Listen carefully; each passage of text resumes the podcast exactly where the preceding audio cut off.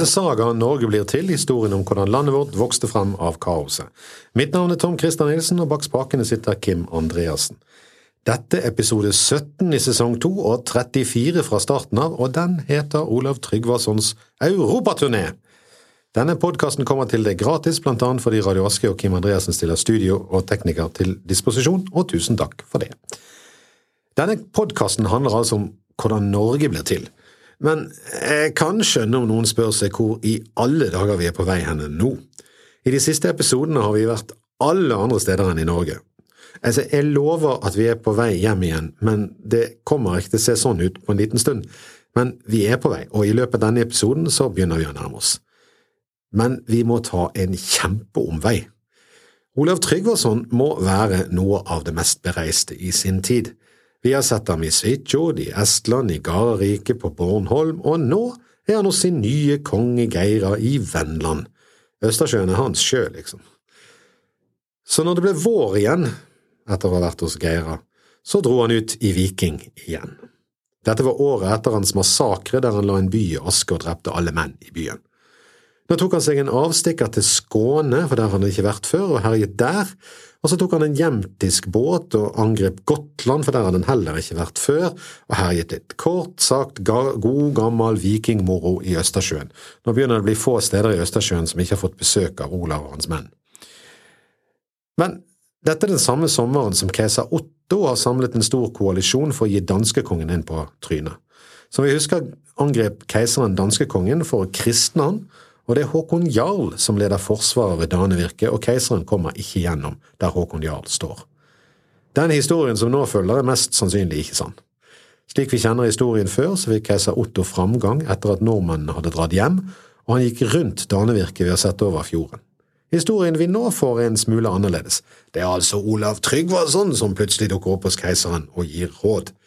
Keiserens hær er nemlig sulten, men det er ikke mat å finne. De tenker på å gi opp, men så ber keiseren om Olavs hjelp og råd.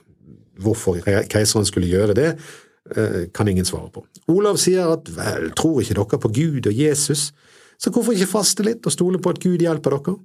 Som sagt så gjort, og hele hæren gir sin begeistrede tilslutning, glemmer sulten på grunn av Olavs ord, seiler over fjorden og tar krøtteret til danskene på andre siden og lar gjøre mat av det, stort barbecue, stor grillfest, og vinner slaget mot danskekongen i samme grillslengen. Det er altså et enormt behov for å plassere Olav som helt i alle sammenhenger og alle store hendelser som har skjedd i denne tiden. Dette er mest sannsynlig oppspinn. Så mye av et oppspinn at selv ikke Snorre Sturlason har fått det med i sin saga. Hvorfor det blir så omfattende, og hvordan det blir sånn at Olav dukker opp overalt, må forstås ut fra behovet for å beskrive han som en slags forløper for Olav den hellige, eller kanskje til og med som et alternativ, eller noe som kunne vært der hvis Olav den hellige ikke kom. Det var nemlig ikke alt ved Olav den hellige som var like enkelt, for eksempel det at han døde i spissen for en svensk leiehær i kamp med frie norske bønder. Snorre skrev til og med en roman om Olav Tryggvason. Hans kongesaga er en slags forkortet utgave av denne, der han har sortert vekk de mest usannsynlige delene, blant annet denne. Hør bare her. Etter å ha hjulpet keiser Otto blir Olav stadig mer kristen, og når konen Geira dør, har han ikke noe hug til å være i Vendeland lenger, og han får råd om at den beste måten å lære om kristendommen på, det er gjennom prestene i Grekenland. Så av gårde med Olav nedover elven og ut i Svartehavet til sol, sommer og prestene i Grekenland. Språkbarrierer var det tydeligvis ikke, for etter en kort tid var han opplært og døpt, og etter en kort sydentur er han nå på vei opp elven igjen og inn i Gardarriket. Og der hurtigkristner han hele Gardarriket. Når det er vel gjort, setter den nydøpte Olav av gårde på nye plyndringstokt. Veldig kristent av. En liten europaturné som tar han omkring til Frisland og alle de velkjente stoppestedene vikingene hadde på sin interrail, unnskyld, intraship-turer den gangen. Det er forskjellige versjoner av denne europaturneen, selvfølgelig. Det interessante med den er at nå får vi faktisk noen kilder som ikke er farget av ønsket om å gjøre Olav til en hellig mann, fordi det er først nå det dukker opp flere kilder for at Olav Tryggvason faktisk eksisterte. Han gjør seg bemerket i de angelsaksiske krønikerne som Anlaf, mest sannsynlig. Ifølge Snorre tar europaturneen han også til England, og han herjer vidt omkring før han ender opp på Siljeøyene sørvest av Cornwall. Disse små og vakre og vel verd et besøk øyene blir vertskap for en viking her, som også nyter øyene, og for Olav. Etter å ha landet der snubler Olav over nok en synsk person, en mann, denne gangen. Dette er som vi husker nummer tre i rekken av profeter for Olav. Men Olav gikk ikke sjøl til han, han sendte en av sine menn i fine klær. Det var en test, og spåmannen, skulle du sett, består testen og avslører bløffen. Ikke er du kongen, men det er mitt råd at du er tro mot kongen din. Nå tror Olav at dette er en ekte spåmann. Jeg tror vel kort sagt at dette også er fri fantasi, men det er et umettelig behov for å forklare Olav Tryggvason som en skjebnebestemt frelser, så nå går Olav til denne spåmannen, og ikke overraskende blir han spådd en lysende fremtid som konge og frelser eller kristner. Litt rart det der, for selv om vi har hørt at han allerede er døpt, så er han ikke det, ifølge denne historien. For å understreke at dette er en spådom man kan tro på, så spår også denne mannen om ting litt nærmere i tid, nemlig når du kommer ned til skipene dine igjen, vil du bli angrepet og du vil bli hardt såret, men etter syv dager skal du være frisk og rask igjen og snart etter ta imot dåpen. Ja vel? Var ikke han døpt allerede? Nei, han var ikke det, ikke i denne historien. Olav går ned igjen mot sine skip, og som ved et under blir han angrepet, helt overraskende, til tross for at det er han ligger, hans menn som ligger i skipene, akkurat som i spådommen, og blir såret som i spådommen. Og etter sju dager er han frisk og rask igjen, som i spådommen. Og da har han hast med å finne igjen spåmannen. Nå er han helt sikker på at denne mannen har overnaturlige evner, så han taler lenge og vel med spåmannen. Eneboeren og spåmannen spår om mange ting, og Olav lurer på hvor han får evnene sine fra. Spåmannen sier at selv i kristnes Gud forteller han mange ting, og han forteller Olav om mange av Guds undre.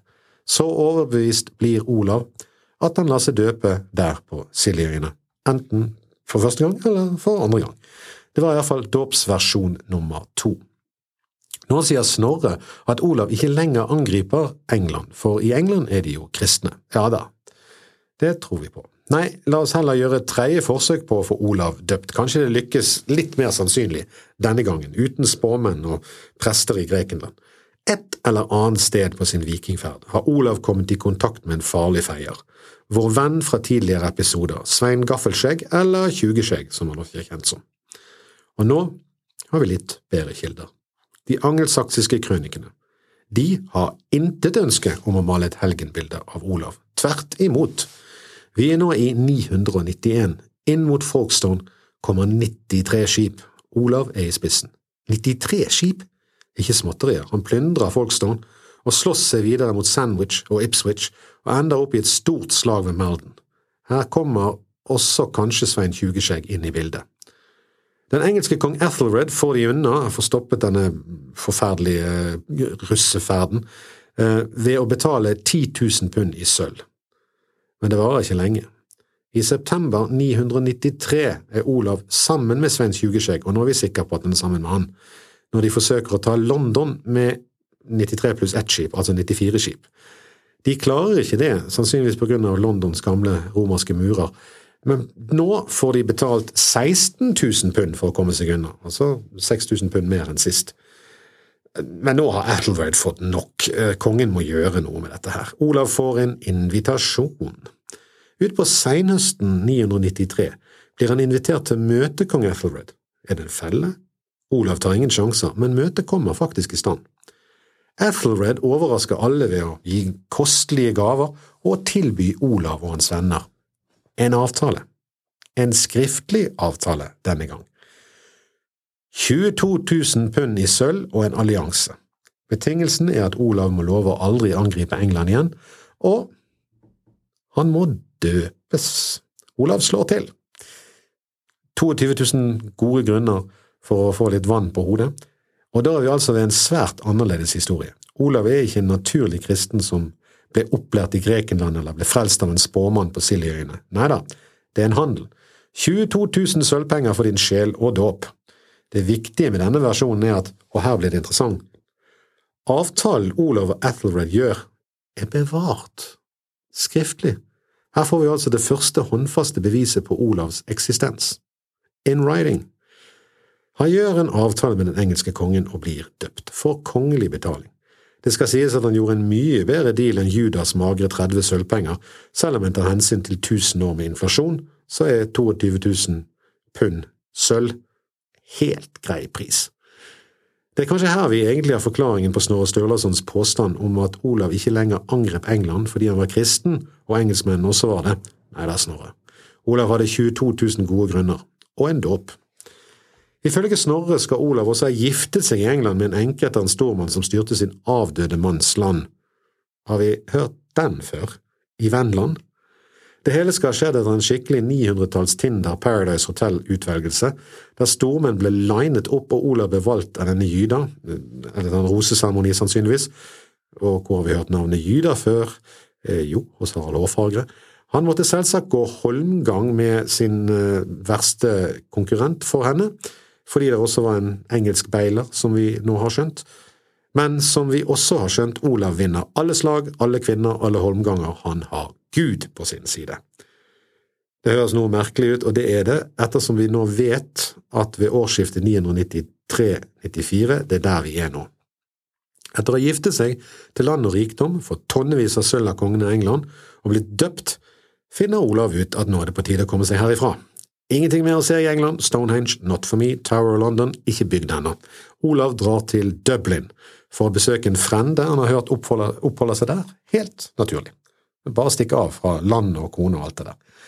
Det kan se ut som han drikker opp pengene, men ikke helt, for når vi nå ser Olav igjen ved bredden av elven Liffey, der vikingene har bygget Døvlin, eller Sorte Dam, så har han bare med seg fem skip. Noe må likevel ha skjedd. Sånn religiøst, mener jeg. Jeg skal ikke ta den personlige kristenheten for langt, mye dreier seg om makt og opplevelsen av hva som var forventet av en kristen konge, men herifra og ut er det en fundamentalist vi har med å gjøre. Ingen tvil om at Olav legger dramatisk vekt på å få folk kristnet. Kanskje er det også det som gjør han nysgjerrig når han oppdager landsmannen Tore, som vi vet er sendt av Håkon Jarl for å lure han. Nå ja, landsmann og landsmann, Olav har ikke sett Norge siden han var nyfødt og flyktet gjennom skogen med sin mor. Men Olav blir trollbunden av Tores lette omskriving av sannheten og ideen om Norge, og etter hvert samler han sine skip, sine menn og Tore og setter kursen mot Norge. Men stopp en hal! Hva med Olavs mor, hvordan gikk det med henne? Som vi husker ble hun også tatt som trell i Estland. Men er det ikke merkelig at ikke Olav har lett etter henne med sin store posisjon i garderiket? Jo, det er det. Men det er ikke Olav som finner sin mor.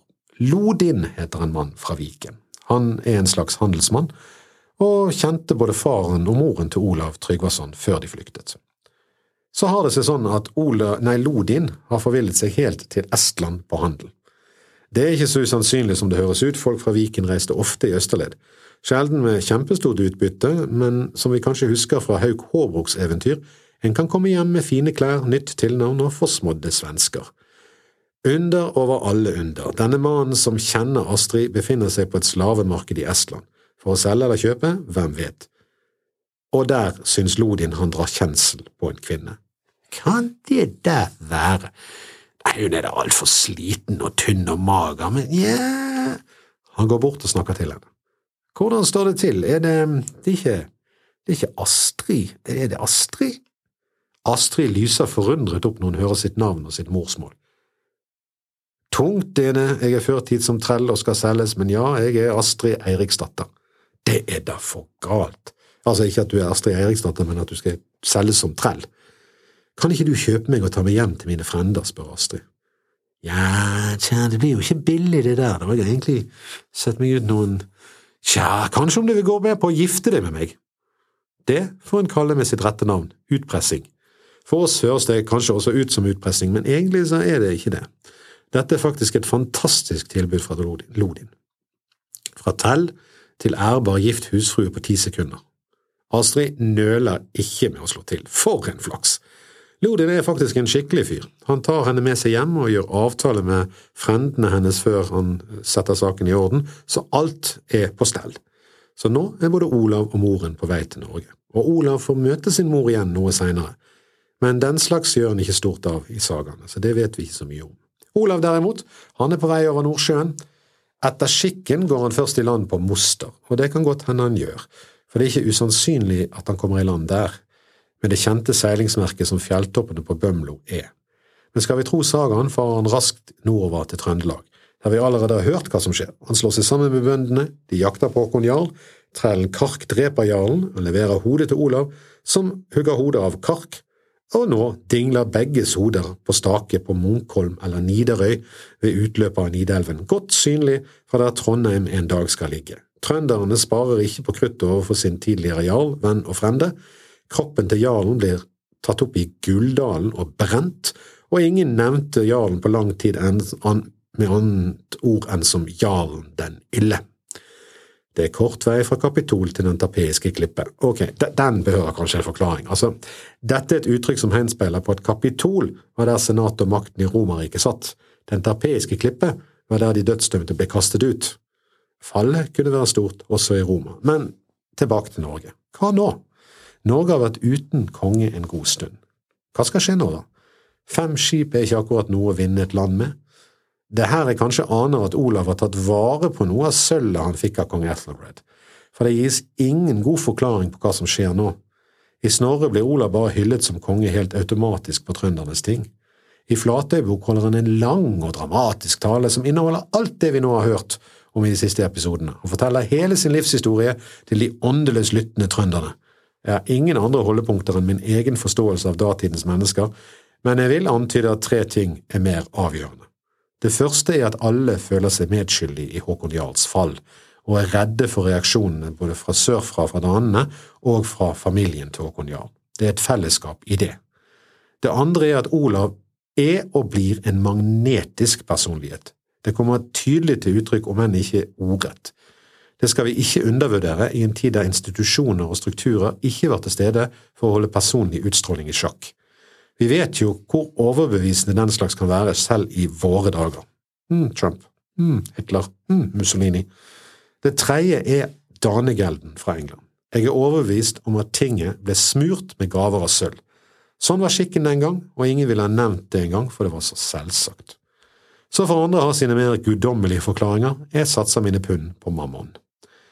Trønderne tar i alle fall Olav som konge. Dagens historikere tviler også på dette, og de kan ha sine poeng.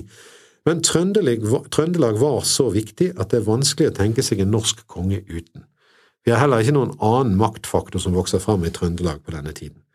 Det ville vi nok hatt, for dette var landets mest folkerike, sterkeste og rikeste del med kontroll over finnehandelen. Olav som konge? Har vi noe bevis utover sagaene? Ja, faktisk, for dette er den første norske kongen som preger mynter, og for å prege mynter trenger man sølv igjen altså pundene fra England. Myntene er til all overmål preget i latin. Onlaf rex nord står det på de, med hans bilde. Det eneste bildet mange ville se i denne tiden, en perfekt propaganda, kongens hode på det mest verdifulle du eier. De fleste av dagens historikere vil forsøke å begrense Olavs rike til Vestlandet. Men skal vi tro sagaene, og her er de på ganske tynn grunn, så kopierer Olav sin forfader Harald og begynner i Viken. Det er jo også der hans mor er og hans stefar Lonin er. I rask rekkefølge stevnes det til ting i Sørviken, Nordviken og Agder, og alle steder tar de kristendommen, gjerne med litt overtalelse. I Agder har det holdt seg siden. Når Olav kommer til Rogaland, og jeg er klar over paradokset her, dette er jo blant de kristneste av de kristneste delene av landet, så møter han litt kvist. Tre stormenn er utpekt til å tale ham imot når det gjelder troen. Men etter at Olav har gjort det klart hva som er konsekvensene dersom de ikke tar han til konge, kort sagt død og fordervelse, og kristendommen blir med på kjøpet, så blir alt litt vanskelig for de tre. Den første stormannen reiser seg og skal til å tale. Han hoster og hoster og hoster så voldsomt at han ikke klarer å få fram et eneste ord. Stakkaren med den vonde halsen må bare sette seg ned og, og, og ta seg en liten pause. Men, men, det er jo ennå to igjen. Men jammen tar ikke hosten den andre også. Nå er det to ute og én igjen. Han ser sine to medsammensvorne eh, hoste seg ut av situasjonen, og nå står alt på han. Og han begynner faktisk å snakke. Og stamme. Noe så forferdelig stammer han, at ingen skjønner et ord av det han sier, han får ikke fram noe som helst, og fordomsfullt nok på den tiden blir han bare ledd ned igjen. Vel, vel. Jeg tror de puster lettet ut både hoster og stammere, og Rogaland tar imot troen, og har ikke sluppet den et sekund siden, og holder like hardt på den i dag som den gangen, og sjelen har to hostende og en stammende mann. Hordaland, derimot, er en litt mer utfordrende sak. Der vil de ha dåpsgaver, dåpsgaver som monner. Hvordan det går til, får vi høre i neste episode. Dette var episode 34, Olav Tryggvasons europaturné. Mitt navn er Tom Christer Nilsen, og bak spakene er Kim Andreassen. Send gjerne spørsmål og kommentarer til tom.christer.gmail.com.